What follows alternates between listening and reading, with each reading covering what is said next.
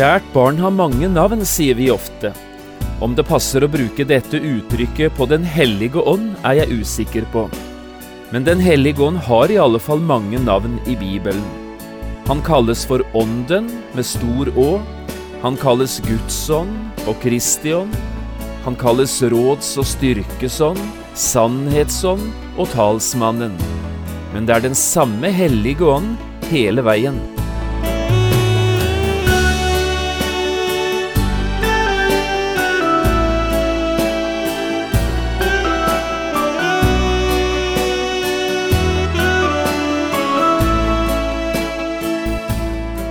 Hjertelig velkommen til et nytt program i serien Vindu mot livet. Programmet er produsert av Kristen Riksradio og blir ledet av Jon Hardang. Denne programserien er produsert med støtte fra Stray kjøkken.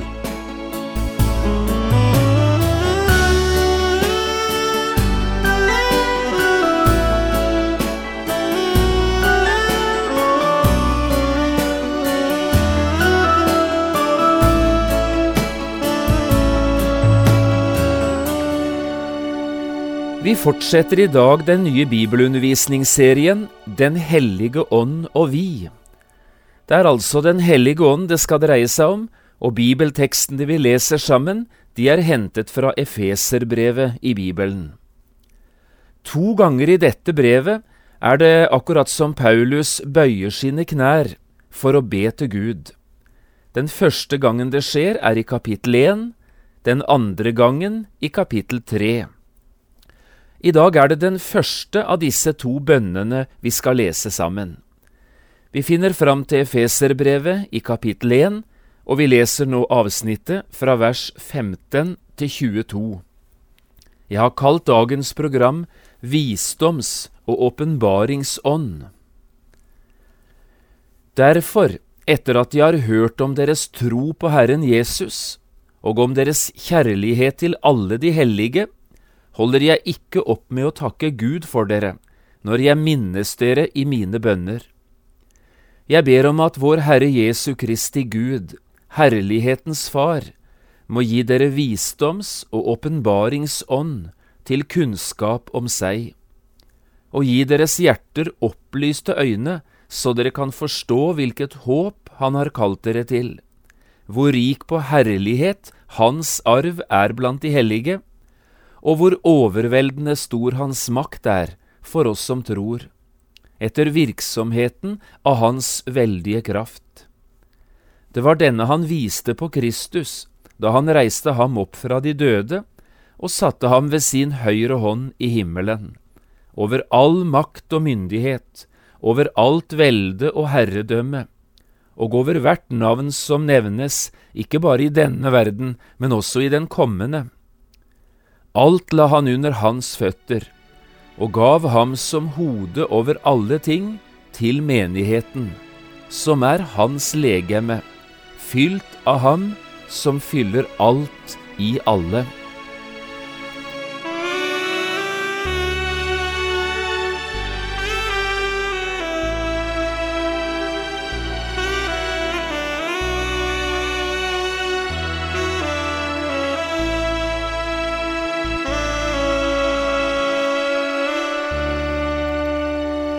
Kjært barn har mange navn, sier vi ofte.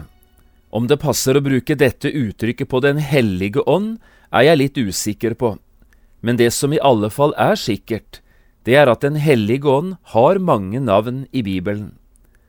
Han kalles rett og slett for Ånden, skrevet med stor Å. Han kalles Guds ånd, Kristi ånd, og rett og slett Den hellige ånd. Han er kalt for råds- og styrkesånd, han er kalt for sannhetens ånd, og kalles for talsmannen. Og slik kunne vi bare ha fortsatt, kjært barn har mange navn. Det navnet som er brukt om Den hellige ånd i det bibelavsnittet vi nå leste sammen, er imidlertid et ganske sjeldent navn. Det brukes bare én eneste gang i hele Bibelen, og det er akkurat her, i Efeserbrevet 1,17. Her kalles altså Den hellige ånd for visdoms- og åpenbaringsånd. Og dette er ikke bare et sjeldent navn, Det er også et av de fineste og mest talende navn omkring Den hellige ånd i hele Bibelen. For er det noe Den hellige ånd er opptatt med, ja, så er det å forklare de hemmelighetene for oss som Gud har lagt inn i evangeliet.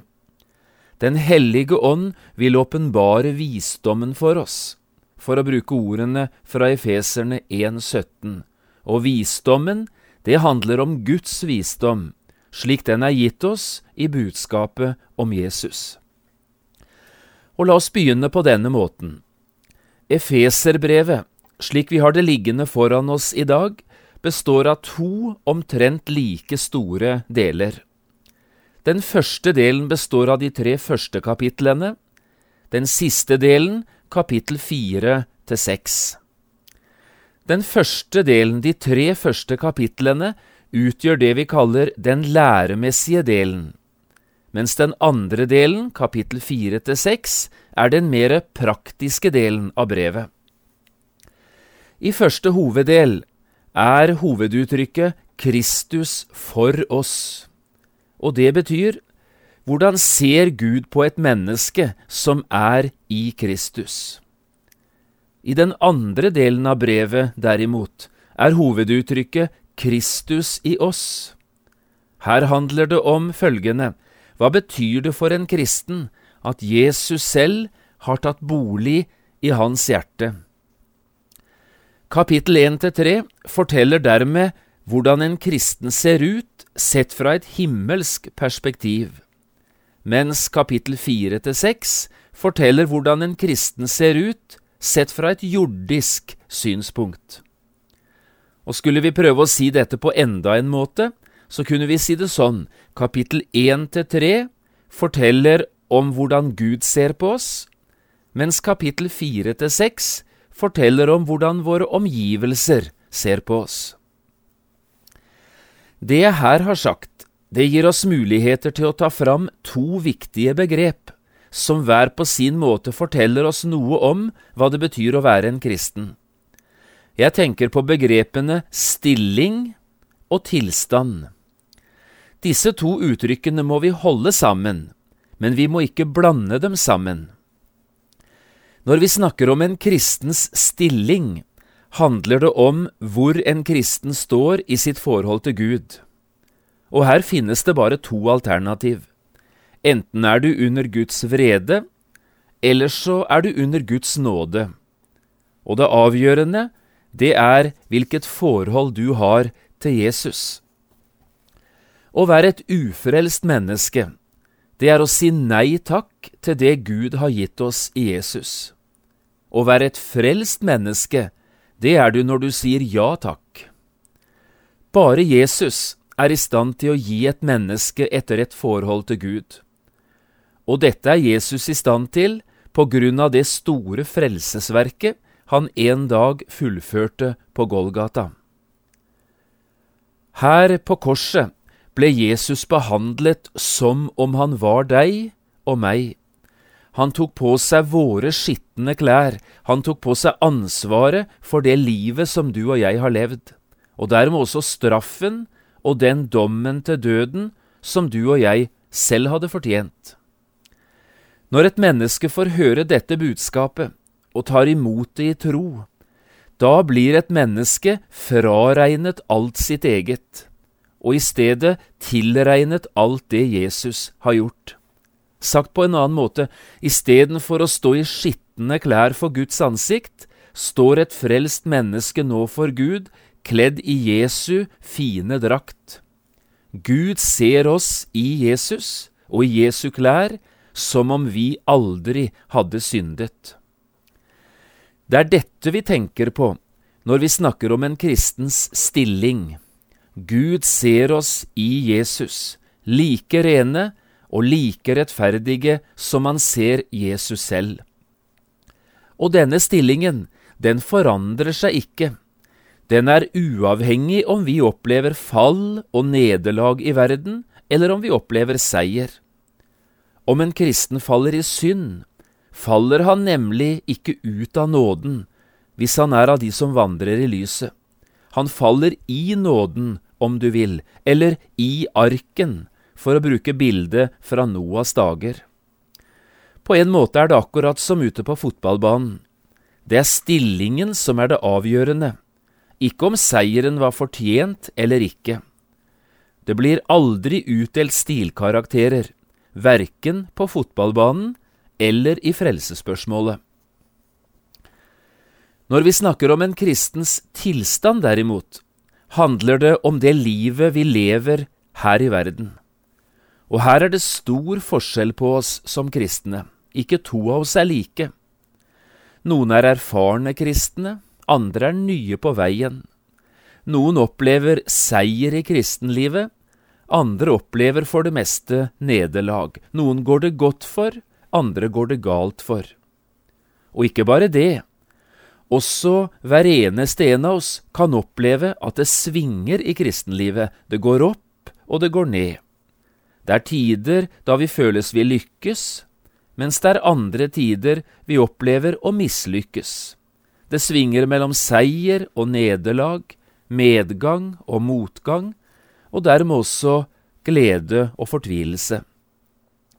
Men dette er opplevelsen vår. Dette er tilstanden vår her under vandringen. Det er her det svinger mellom lys og mørke, mellom glede og sorg. Men at det svinger her i verden, det forandrer ikke stillingen vår, den vi har i Jesus. Enten et barn smiler eller gråter, enten et barn er snill eller slem, barnet er uansett mor og fars barn. Verken sorger eller gleder kan ødelegge selve barnekåret. Det er jo noe et barn er født til. Det er altså Jesus som er frelsesgrunnen for en kristen, ikke tilstandsrapporten. Jeg vet ikke om du får tak i dette, men her er vi i alle fall borti noe av det som er det aller viktigste å få tak i om vi skal få oppleve trygghet, frelsesvisshet og frelsesglede, altså rett og slett et lykkelig liv som kristne. Slik jeg nevnte det i innledningen i dag, to steder i Efeserbrevet møter vi Paulus i bønn. To ganger bøyer han sine kne i bønn for Faderen. Og den første bønnen vi møter, er altså her i slutten av kapittel 1.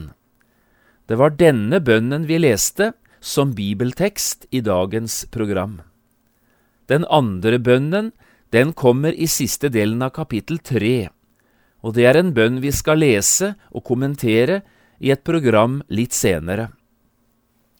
Det geniale er imidlertid at disse to bønnene har med de to forholdene å gjøre som jeg akkurat har beskrevet, altså en kristens stilling og en kristens tilstand.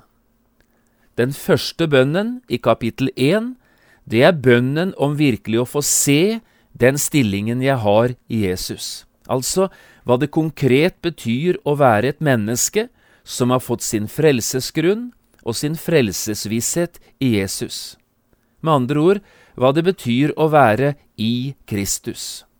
Den andre bønnen, den som kommer i kapittel tre, det er bønnen om å få se hvilke muligheter jeg har til å leve rikt og godt som kristen, allerede her i verden. Og her er hemmeligheten hva betyr det at Kristus er i meg? Jeg i Kristus og Kristus i meg. Dette er kristenlivets to store hemmeligheter, slik Efeserbrevet taler om dem. Men du og jeg, vi har ingen sjans å få tak i noen av disse hemmelighetene uten at Den hellige ånd hjelper oss. Eller for å bruke uttrykket fra kapittel 1.17, uten veiledning og hjelp fra Han som kalles visdoms- og åpenbaringsånd.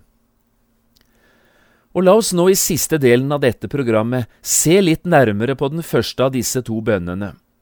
Det er en strålende bønn, og jeg skulle tenke denne bønnen trenger vi å be litt oftere, både du og jeg. Den begynner med takk, det fortsetter med bønn, og så ender det med noe som ligner en lovprisning. Det er bønnens tre hoveddeler. Paulus starter denne første bønnen med å takke.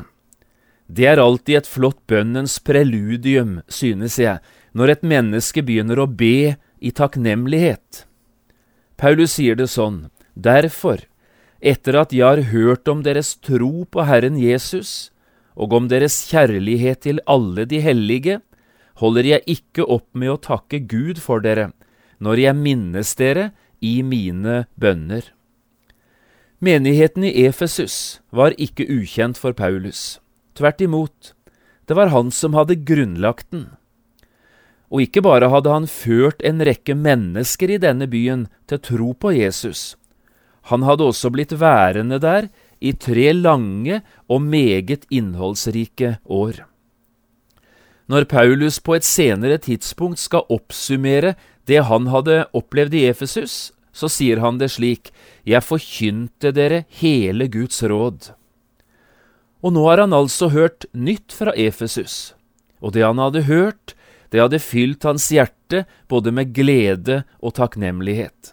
Han hadde hørt om mennesker som hadde en sunn og sterk tro, og han hadde hørt om mennesker som elsket hverandre med en altomfattende og guddommelig kjærlighet.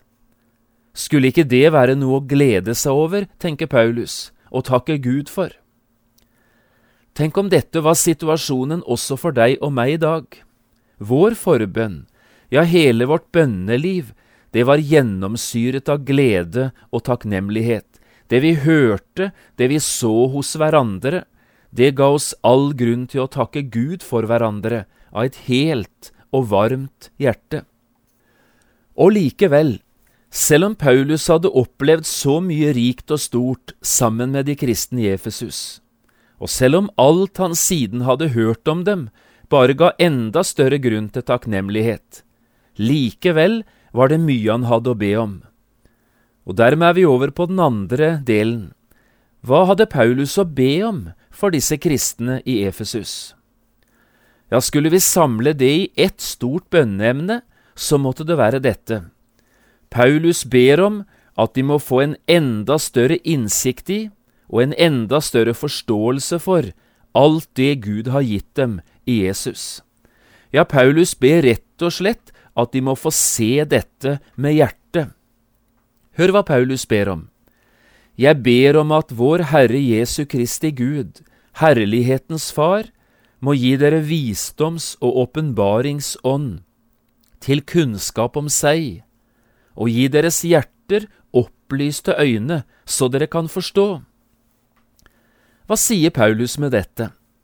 Jo, han sier at hvis et menneske virkelig skal få syn for alt det Gud har gitt oss i Jesus, så må det mer enn vanlig intelligens og forstand til. Det hjelper faktisk ikke et eneste menneske, uansett hvor intelligente eller kloke de er. Uten Den hellige ånds lys og veiledning er de som fargeblinde mennesker som er stilt over for et fargerikt og fint maleri. Fargene, de er og blir skjulte, fordi det fargeblinde mennesket mangler evnen til å oppfatte og også glede seg over fargene. Hva med deg, du som hører dette? Trenger du Guds hjelp, så du virkelig kan oppfatte og forstå det Gud har gitt deg i Jesus? eller tror du at du kan gripe dette av deg selv? Hør nå, løsningen er du trenger hjelp av Han som kalles visdoms- og åpenbaringsånd. Bare slik kan du få tak i den rette kunnskapen om Gud. Bare slik kan du begynne å forstå, slik Gud vil du skal forstå tingene. Og leser vi nå videre, ser vi at det er tre store ting Paulus ber om. Og hadde ikke Gud ved sin ånd fått vise dem hva dette dreier seg om, ja, så hadde de aldri sett det. Hadde ikke Gud, gjennom visdoms- og åpenbaringsånd, gitt dem denne kunnskapen om Jesus, så hadde de aldri forstått det, og langt mindre satt pris på det. Helt konkret er det altså tre ting Paulus ber om. For det første, hvilket håp de er kalt til. For det andre, hvor rik på herlighet hans arv er blant de hellige, og for det tredje, hvor overveldende stor hans makt er for oss som tror. Hva betyr dette? Jo, 1. I Jesus finnes det et levende håp. Akkurat som han selv sto opp fra de døde, slik skal det være også en oppstandelse fra de døde for slike som deg og meg. For det andre, også Jesus har en stor og herlig arv i vente, akkurat som du og jeg har det. Den rikdommen som venter Han, det er den evige framtiden sammen med alle dem som Han vant seg ved sitt blod. Sagt på en annen måte, Guds gave til oss, det er Jesus. Men Guds gave til Jesus, det er slike som deg og meg.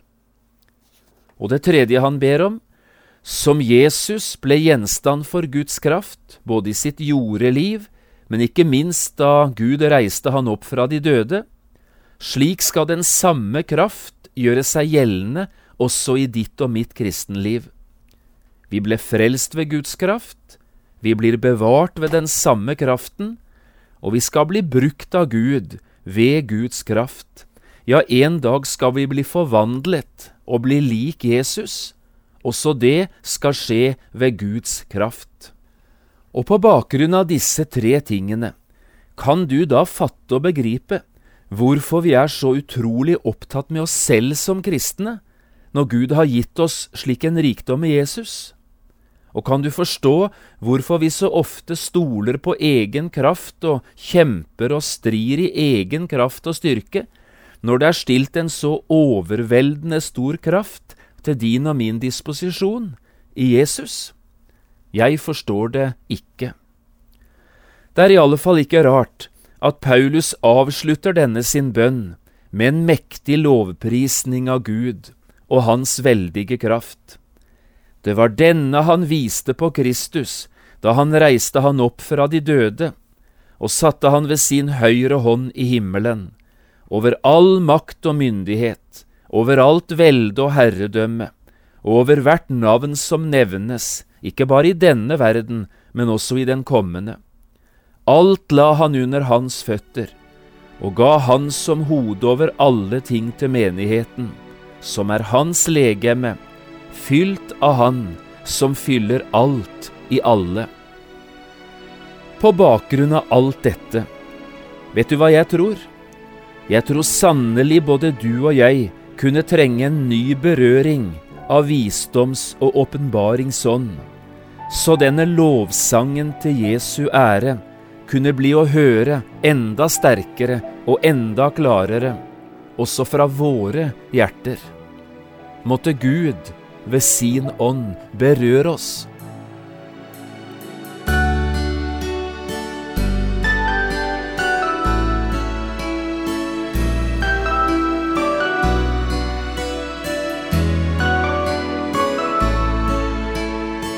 Du har lyttet til et program i serien Vindu mot livet med John Hardang. Programmene i denne serien kan også kjøpes på CD fra Kristen Riksradio, eller høres på internett på p7.no. Har du spørsmål eller kommentarer til det du nå har hørt, kan du ta kontakt med oss. Adressen er Kristen Riksradio, Skiene 2, 5353 Straume. Eller send en e-post vml alfakrøll p7.no. Takk for i dag, og på gjenhør.